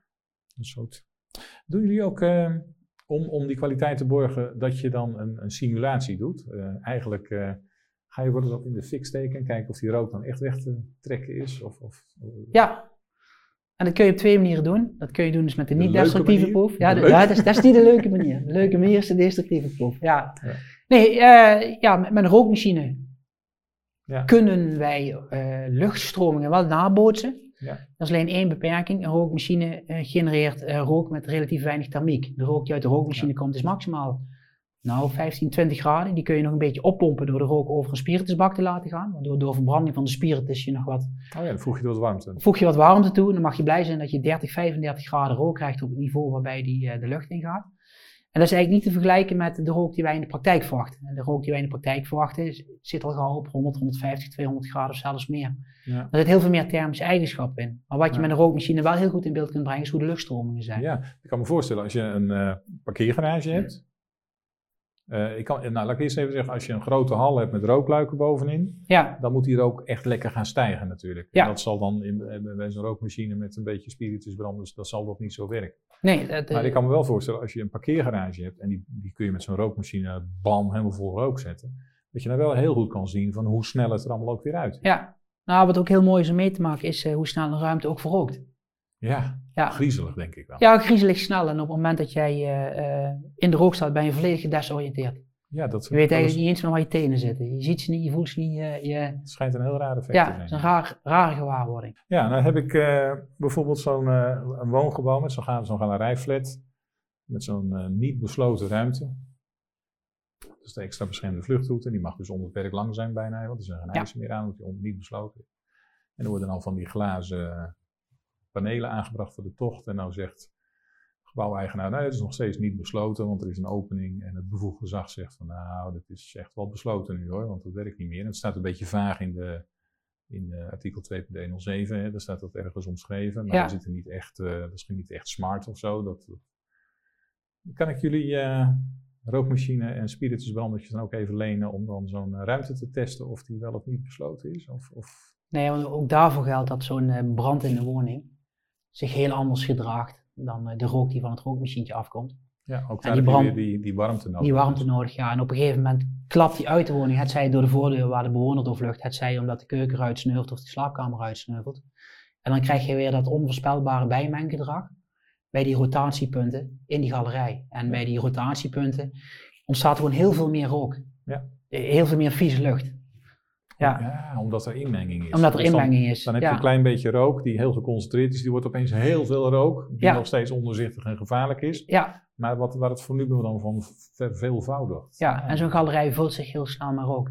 Wat je dan dus eigenlijk zegt, en eigenlijk op een paar, met, een paar keer al eigenlijk heel goed aangeeft, is dat eh, als je het over rook hebt en het gedrag van rook, dan is dat nooit een algemeen verhaal. Maar het is altijd een specifiek scenario-achtig verhaal met een specifieke context. En die bepaalt wat het gaat doen. Ja. Vind ik wel een, eh, een hele mooie vaststelling. Dat je dus nooit in zijn algemeenheid kan zeggen van, oh die rook die doet dit of dat. Nee, Het het is, is heel wel erg afhankelijk van, ja, van, van de situatie en van de uitstroomopeningen. En, Ja. ja. ja. Het, Bouwzuid heeft voor galerijen wel een, klein voorschotje genomen. Het Bouw, Bouwzuid zegt dat als jij 100 liter per seconde per kubieke meter inhoud ventileert, Mhm. dan heb je voldoende ventilatie om het als niet besloten te beschouwen. Ja. Daar zitten wel een paar grenswaarden aan, maar op het moment dat je heel veel ventilatie maakt in zo'n galerij, kun je genoeg schoonmaken voor goede ontvluchting. Ja, dat staat in de toelichting. Staat in de toelichting, klopt. Ja. Dat maakt het dan wel een klein beetje overzichtelijk. Ja. Ja, nou we dan toch een beetje over, over woongebouwen en galerijen praten. Hè. Als ik, eh, er, er- er wordt, eh, er wordt ja, ook de laatste tijd veel gesproken over de vergrijzing. Eh, eigenlijk een beetje het, het bekende verhaal wat vaak langskomt van eh, we hebben woongebouwen voor zorg. Veel eh, mensen zitten die op gevorderde leeftijd zijn, die minder zelfred, zelfredzaam zijn, die eigenlijk niet goed zelf kunnen ontvluchten. En daar wordt veel over nagedacht en gesproken. Hoe, hoe gaan we daarmee om? Wat kan je dan kijk, met rookbeheersing in zo'n scenario, in, in zo'n gebouw? Kun Heb je daar iets te bieden? Ja, ja. Ja, de, de, de, de eerste vraag die ik dan stel is: eh, hoe, hoe komt ons bouwbesluit eh, aan een maximale vluchtweglengte van 30 meter? Ons bouwbesluit zegt dat als je binnen 30 meter veilig bent, heb je voldoende tijd om te maken- vluchten, een toch? aanname dat je 1 meter per seconde loopt en dan met ingehouden adem 30 seconden lang. Dat lukt de meeste mensen wel. Ja, de meeste, maar nu heb ik een looprek of een, Ja, eh, ja. een rollator. Is die 30 meter dan nog realistisch? Het bouwbesluit zegt van wel, maar wat ik Ja. straks eerder zei, dat is de ondergrens. Maar ja, dat is dus de vraag. Hè? Want Ja, Eh, er zitten er zoveel zelfredzame mensen in dat we eigenlijk gewoon eigenlijk al weten dat dat een, eh, een kansloos verhaal wordt. En er wordt natuurlijk ook gedacht aan andere out-of-the-box eh, systemen als stay in place. Hè? Dat je gewoon zegt, Ja. nou, laat die mensen nog gewoon op hun plek blijven. En dat doen ze trouwens toch al, want ze zijn niet zo mobiel. ja, Maar er zijn natuurlijk nog wel andere dingen die je kan doen. Maar goed, inderdaad, die 30 meter, eh, en dan is het eh, eh, bij bestaande bouw nog zo, dat die 30 meter 75 meter mag zijn. En Ja. we hebben nog wel eens de neiging bij woongebouwen om het rechtingsverpleegniveau over te slaan en gewoon maar helemaal te zeggen bestaande bouw. Ja. Dat zie je toch wel. Terwijl dat eigenlijk niet correct is, maar Ja, ik zou ook als, als gebouweigenaar ge- geen genoegen nemen met, met, met, met die, alle- alleen al die 30 meter grens als ik weet dat dat de populatie in mijn gebouw is. Ja. Ik vind wel dat je dan een bepaalde verantwoordelijkheid eh, mag, ma- mag nemen. En, en ik- nog wat ik al zeg, bouwbesluit is, is het minimale niveau. Ja. Als ik kijk naar omliggende landen, dan moet je al vrij snel naar een vorm van ventilatie van de gangen. Als je Oh, kijkt naar. Frankrijk, daar is corridorventilatie in residential buildings, dus gebouwen waar mensen wonen, gewoon een eis van een bepaald aantal bouwlagen af. In Engeland ook, corridorventilatie is, een, is gewoon een eis wat in het, in het, in het, in het, eh, in het onafhankelijk of die mensen wel of niet zelfredzaam Ja. of oud zijn, dat moet er gewoon in. ja, moet er gewoon in. Ja. Om er maar voor te zorgen dat de mensen genoeg tijd krijgen om het pand veilig te verlaten. En met veilig verlaten is, je komt je woning uit, je komt op de gang, dat is je eerste vluchtweg. Mhm. Die moet al veilig zijn en dan moet je ook nog eens een keer verticaal ontvluchten. Dan kom je in een trappenhuis terecht, die ook veilig moet zijn. Dus ja, je hebt al gauw, praat al gauw over een combinatie van het schoonhouden van de gang, maar het liefst ook nog je trappenhuizen Ja. ja, dus ja, ik ben van mening dat rookbeheersing daar een hele belangrijke invulling aan kan geven. En eigenlijk zeg je ook, omdat dat in de ons omringende landen al verplicht is, zijn die systemen die zijn gewoon bedacht en uitontwikkeld en die kan je gewoon kopen. Dat ja. is niet iets wat hier uitgevonden hoeft Nee, we hoeven het wiel niet meer uit te vinden. Klopt. Ja. Nou, en Cold International, dat zegt ja. dat jullie ook buitenlandse vestigingen? We hebben buitenlandse vestigingen, ja. We zijn van oorsprong een Engels bedrijf. Oh, ja. De moeder zit in Engeland en is uh, begin jaren 60 uh, eh, de grote plassen overgekomen. En van daaruit zijn wij over de hele wereld okay. verspreid. In dit moment in 37 landen. Dus, dus, daar, de organisatie heeft ook al ervaring met... Ja. ja. Interessante gedachten. En de organisatie kijkt ook gek naar Nederland. Als ik bijvoorbeeld kijk naar, ik heb heel veel contact met mijn collega's in Duitsland. In Duitsland moet in een beetje industrie al, al een vorm van ontroking zitten. Ja. Ik denk bijvoorbeeld aan, aan lichtstraat die zelf wegsmelten, afsmeltbare vlaggen. Als je een halletje maakt in Duitsland van 200 vierkante meter, moet er al afsmeltbare vlag in om die rook en hitte kwijtraken. Ja. Vanaf 800 vierkante meter moet er een vorm van rook-warmteafvoer in. Ja. Gewoon ligt gewoon keihard vast in bouw en regelgeving. In België uh, opslaghallen, gesprinkelde hoogstapelmagazijnen, daar moet een ontrokingsinstallatie in, omdat de brandweer zegt, ja, even, bij sprinkler ontstaat stoom. Stoom kan mijn zicht belemmeren. Ik wil dus een vorm van ontroking hebben. Nou, wie weet waar het toe leidt. Hè? Ja. Nou, wat, ik, wat we ook kunnen vaststellen, is pas in Oude Water weer een test geweest met uh, een gebouw waar ze brand in hebben. Uh, dus een, oud, een, een, bestaand gebouw wat, wat gesloten zou worden, geloof ik. Daar hebben ze de boel in brand gestoken. En uh, daar, daar, hebben ze ook wel lessen van geleerd van, uh, ja, die brand, die rook vooral, die gedraagt zich nog weer veel ernstiger dan dat we elke keer weer denken. Dus wie weet waar we, waar we in de toekomst naartoe gaan. Hè. Dat staat natuurlijk nooit stil. Uh, Inzichten die, uh, die volgen elkaar op. Nou, we het toch over het buitenland hebben. We hebben natuurlijk ook Europese standaarden en NEN-normen. Kan je daar eens iets over vertellen? Want, want omdat het bouwbesluit uh, zegt niet zoveel over RWA, dus je moet het vooral van normering hebben, ja. denk ik. Ja, en dan heb je normen in x aantal gradaties. Mhm. Dat zijn de Europese normen. Dat zijn de zogeheten NEN-EN-normen die wij hanteren. Je hebt nationale normen. Mhm. Dat zijn NEN-normen. En dan heb je de praktijkrichtlijnen. Praktijkrichtlijnen is eigenlijk een, een document wat opgesteld is door, uh, ja, door deskundigen. Die zeggen van ja, als je het op deze manier doet, dan doe je het in ieder geval goed. Het is nog net geen norm, maar het is wel een heel mooi handvat om... Uh, het is een richtlijn. Ja, het is een richtlijn om je werk mee te doen. Ja. Voor uh, ontwerpen van rookwarmteafvoerinstallaties hebben wij in Nederland een nationale norm. Er is een internationale norm voor geschreven, maar daar krijgen ze in Europa de handjes niet voor op elkaar. Die is dus niet geharmoniseerd. Ja. Ik mag hem in Nederland wel gebruiken. Dus uh, onze CCV-systematiek uh, uh, zegt: oké, het is een goed gedocumenteerde onderbouwde norm, dus je mag hem gebruiken. Maar ik mag ook de nationale norm gebruiken. Okay. Voor overdrukinstallaties maken wij gebruik van een internationale norm. Voor parkeergarageventillatiesystemen maak je weer gebruik van een nationale norm. Dus het is een beetje afhankelijk van met welk systeem ik aan de gang ga, welke norm ik moet volgen. Ja. Uh, wat we wel heel veel hebben zijn productnormen en die zijn haast allemaal op Europees niveau. Dus uh, hoe maak ik een rookluik? Hoe maak ik een ventilator? Hoe maak ik een rookscherm? Uh, hoe maak ik een luchtbehandelings... of een, sorry, een, een, afvoerkanaal? Hoe maak ik ontrokingskleppen? Hoe ziet mijn voeding van de schakelkast eruit? Daar hebben we Europese normen voor. En die zijn geharmoniseerd? Die zijn allemaal geharmoniseerd dat op... kan ik me ook wel voorstellen, want van een product een normalisatie maken, dat is een norm maken, dat is natuurlijk wat overzichtelijker om te harmoniseren ook dan want je zei net al, uh, het buitenland kijkt vreemd naar Nederland, hoe wij met ontroking van woongebouwen omgaan. Uh, ja, dan harmoniseert dat ook niet zo lekker natuurlijk. Ja, nee. nee, maar een rookluik wel, want een rookluik is een rookluik. Dus ja. kun je dat, ja. En oorspronkelijk is natuurlijk die, dat, dat, dat hele Europese gedachte ook bedoeld dat een buitenlands bedrijf in Nederland uh, producten kan verkopen, ja. zeker installaties maken en omgekeerd. Het gaat vooral om de handel natuurlijk. Ja, ja. Ja, ja. oké. Dus daar uh, is eigenlijk een mix maar het is best wel een, een, een hoop normen waar je mee moet ja. Ja. ja. Het zijn, ja, het zijn, uh, ik, ik, uh, ik, mag ook, ik mag ook lesgeven, zoals je straks zei. En uh, ja. het eerste wat ik doe is mijn cursisten bang maken.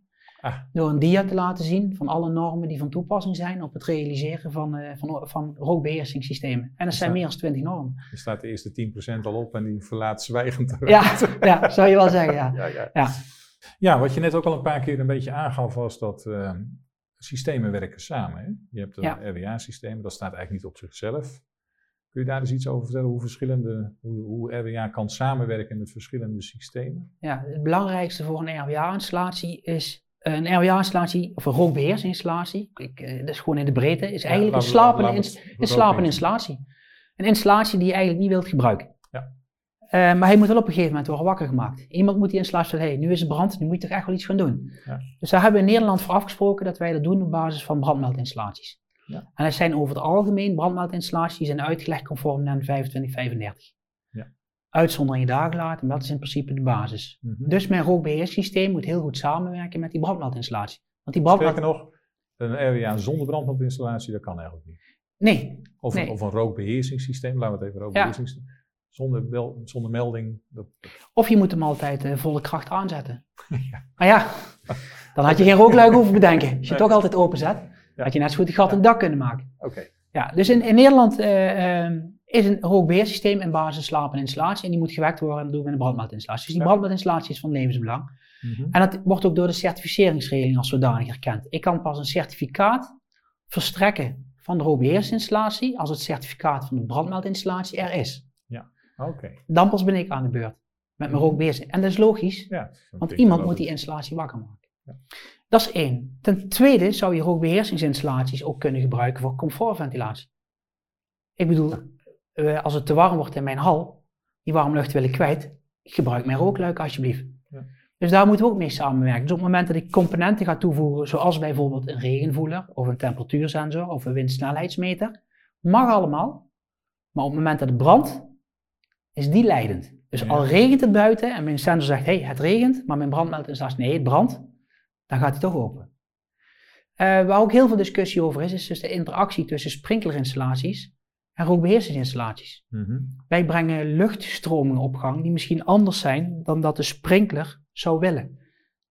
Ja. Dus de sprinklerwereld heeft voor zichzelf besloten van wanneer vind ik de aanwezigheid van ventilatie wel of niet acceptabel. Dus dat moeten wij respecteren. Dus op het moment dat een sprinklerinstallatie Maar hebben jullie dan niet zin om te zeggen van wij als eh, rookbeheersingswereld eh, willen graag beslissen wanneer wel of niet een... eh, nee, dat is, Nee, wij zouden het liefst, wij zouden het liefst eh, gewoon daarover in gesprek gaan. Ja. Wij snappen hun belang en ik hoop dat zij ook ons belang zien. Ja. En beide systemen kunnen prima naast elkaar Maar werken. het gaat vooral om het verbinden van Ja, veiligheid. ja, en ik moet gewoon weten dat zeker een, een natte sprinkler, die heeft temperatuur nodig om af te kunnen gaan. Ja. En op het moment dat ik heel hard ventileer en ik haal de temperatuur bij die sprinklerkop weg, gaat die nooit af. gaat die nooit af. Oh ja. Dan is de vraag van, ja, hoe belangrijk is mijn brandventilatie op dat moment? Bijvoorbeeld een, een passage in een winkelcentrum, daar vind ik mensenlevens heel belangrijk. Mhm. Dus wat doen we daar? Overdag is de RWA leidend, de rookwarmteafvoer. En s'nachts, als er toch geen mensen zijn, waarom zou ik mijn rookluik dan open willen hebben? Laat alsjeblieft dicht staan. Ja. Zorg maar dat die sprinkler er snel mogelijk in komt. Dus die afspraken maak je dan. Dat kan zijn op besturingsniveau, maar het kan bijvoorbeeld ook zijn van, joh, ik acteer pas als jij acteert. Dus het zit mooi ingebed in. En je zei net ook iets over dat een, bijvoorbeeld een BHV, die moet eigenlijk ook weten dat het systeem er is. En kan dan ook rekening houden met dingen. Die kan bijvoorbeeld ook tegen mensen zeggen die dan een, een brandcompartiment uitvluchten van. Je moet goed hard die deur, eh, pas op voor die deur, want er zit overdruk op. Dus Ja. je moet flink hard duwen en laat hem niet los, want dan, Ja, krijg je hem terug in je gezicht. Ja. ja, zulke dingen. Ja. Ja, oké, mooi. Ja, nou, dat soort componenten, als we het hebben over moeten we het ook wel duidelijk maken. Mensen moeten wel Ja. weten wat, wat er kan gebeuren. Ja. Maar we zijn wel van mening dat het een enorme toegevoegde waarde heeft voor ontvluchting, schadebeperking, inzet, eh, brandweer. Als we kijken naar de brandweer sinds een aantal jaren, eh, kennen we het kwadrantenmodel. Ja. Wij zijn ook van mening dat we op drie van de vier kwadranten een grote invloed kunnen uitoefenen. Dus de brandweer het leven makkelijker kunnen maken. Ja. Als we kijken naar de NEN 6075, hè, eh, uit, eh, het rook tegenhouden van het ene compartiment, dan zijn wij ook van mening dat we daar een grote toegevoegde waarde kunnen zijn. Ja, want de, die NEN 6075 die gaat echt naar gasdichtheid kijken. En, Ja. eh, wat, en, en je hebt dan overdruk in een, in een brandruimte. Eh, daar kan je natuurlijk ook, want jullie als ventilatietovenaars, kan je daar wel iets mee gaan doen. Ja. Ja. En dat is ook wel onderkend door NEN 6075. NEN 675. Zij doen geen uitspraak van als er een rookwarmteafvoer zit, dan mag jij bijvoorbeeld van S200 naar S0. Mhm. Maar wat ze wel zeggen, dat je op basis van fire safety engineering dan toch eens anders tegen die rookwerendheid aan kunt kijken op het moment dat er toch sprake is van een bepaalde vorm van het afvoeren van rook en warmte. Als we nou eens in de schoenen van een handhaver gaan staan, hè? Wat, wat heeft die nou voor specifieke uitdagingen als hij met rookbeheersingssystemen te maken krijgt? Ik kan me zo voorstellen van, hij weet dan dat dat in het pand zit, maar Mhm. ja, het handhaven van de werking van het systeem. Ja. Ja, wa- wat doet hij dan? Gaat hij naar, de, de- naar een soort van logboek kijken of naar inspectieschema's of die uitgevoerd zijn? Logboek is heel belangrijk. Er wordt natuurlijk chronologisch in vastgelegd eh, wat de installatie eh, in de loop van de tijd doet of wat ermee is gebeurd. Ja. En het bijhouden van het logboek is ook de taak van die beheerder. Dus Mhm. die eigenaar van het pand die stelt iemand aan die zegt jij bent verantwoordelijk voor die rookbeheersinstallatie en jij controleert hem een paar keer per jaar en je houdt bij wat er met de installatie gebeurt. Ja. Dat is één. Wat ook belangrijk is, is eh, eh, een rookbeheersingsinstallatie, en dat geldt overigens voor bijna alle brandbeveiligingsinstallaties, is een maatpak. Oh ja. Eh, mijn rookbeheer, als ik bijvoorbeeld een hal heb waar stalen bootjes worden opgeslagen, is een opslaghal verboden. Ja. Maar er is een andere rookbeheersinstallatie als wanneer de polyesterbootjes worden opgeslagen. Dat is nog steeds een opslaghal verboden. Ja. Maar het is een andere brand. Ja. Dus wij gaan heel goed beschrijven van, ja, welk maatpak bied ik nu? Ja. Daar kun je natuurlijk op toetsen van, hou eens even, jij zou een hal hebben voor stalen bootjes, nu liggen er polyesterbootjes in, dat is wel een hele andere brand. Ja. Daar kun je op toetsen en we, of op, op handhaven. En natuurlijk met eh, de invoering van inspectiecertificering hebben we die rol van die handhaving ook een groot gedeelte bij de inspectiestelling neergelegd. Die beoordeelt ook echt op die bio, op die bouwkundige En die- die zijn nog meer te zakenkundig dan een handhaver, omdat hij natuurlijk best wel allround moet zijn en Ja. ook vaak niet tijd en middelen heeft om heel uitgebreid op dingen in te gaan. Klopt. Dus er ligt een stuk van zijn handhaving is verlegd naar de inspecteurs en Ja. de inspecties. En in de tussenliggende periode is die beheerder van die installatie eigenlijk net zo goed als je, je rijdt een auto. En ik verwacht van jou dat jij ervoor zorgt dat je lichten doen, dat je remmen doen, dat je op Ja. tijd onderhoud uitvoert, Ja. dat je gordel aan doet. Ja. Nou, dat is die taak van die beheerder. Ja. Hij moet gewoon één keer in de zoveel tijd controleren van eh, voldoet het nog. En als hij eh, zijn rondje door het bedrijf maakt en hij ziet dat die pallets daar weer liggen, dan moet hij daar meteen voor zorgen dat die pallets eruit Dat gaan. moet intern gebeuren. moet intern gebeuren. Ja. Dat kan je niet helemaal wegleggen bij, eh, bij eh, de, de inspectieschema's. Nee, Dan krijg je het systeem van, eh, ja, de brandweer is hier vorige week nog geweest en toen was het allemaal goed. Ja. Nee, toen was het niet goed. Dus we hebben een steekproef gedaan en ja. het is een dat momentopname. verhaal. Ja, als je dan gebouweigenaar bent en je moet kiezen uit alle mogelijkheden die er zijn om jouw gebouw veilig te maken, met je specifieke scenario wat jij hebt, hè, want of jij nou de eigenaar van een groot hotel bent of je bent de eigenaar van een groot distributiecentrum vol met eh, peperdure spullen, dat zijn andere situaties. Wat zijn nou grote motivaties voor eh, gebouweigenaren om aan rookbeheersingssystemen, om daarvoor te kiezen? Ja, nou, het is sowieso te verhogen van de veiligheid in je gebouw. Mhm, Het is eh schadebeperkend. mhm. De kans dat als jij getroffen wordt door een brand, jij toch door kunt gaan met je bedrijfsvoering, Hm. is aanmerkelijk groter. Ehm, de hulpdiensten kunnen veel slagvaardiger aan de slag. En eh, ja, er zijn ook nog eh, bijvangsten, Mhm. om ze zo maar te noemen. Eh, een rookbeheersingsinstallatie kun je inzetten voor comfortventilatie. Je hebt de installatie toch? Je kunt de rookbeheersingsinstallatie kun je maken, waardoor je daglichtvoorziening hebt. Ehm, ja, Nou, ja, wat je eigenlijk zegt is, aan rookbeheersingssystemen zit vaak ook, want de meeste brandveiligheidsmaatregelen zijn als de airbag in je auto, die zitten, maar ja, je hebt er niks aan. nee, Maar met rookbeheersingssystemen heb je soms eh, inderdaad andere voordelen als Ja. eh, ventilatie en, eh, en licht en zulke soort zaken. Ja. Dat is mooi. Ja, dat is een, denk ik, een sterke motivatie. Ja. Ik hoop dat ze allemaal kijken, dan eh, komt het helemaal goed. Dan zijn we daarmee eh, gekomen aan het eind van ons eh, interview, Stan. Ik wil je heel erg danken voor je, voor je gedetailleerde input en je enorme kennis op het gebied. En je enthousiasme. Leuk om naar te luisteren. Dankjewel. ja, ook bedankt. Dankjewel. Hartelijk dank voor het kijken naar onze webtalk over rookbeheersing. Eh, hou onze social media kanalen in de gaten, want er komt nog veel meer. Bedankt voor het kijken en tot de volgende.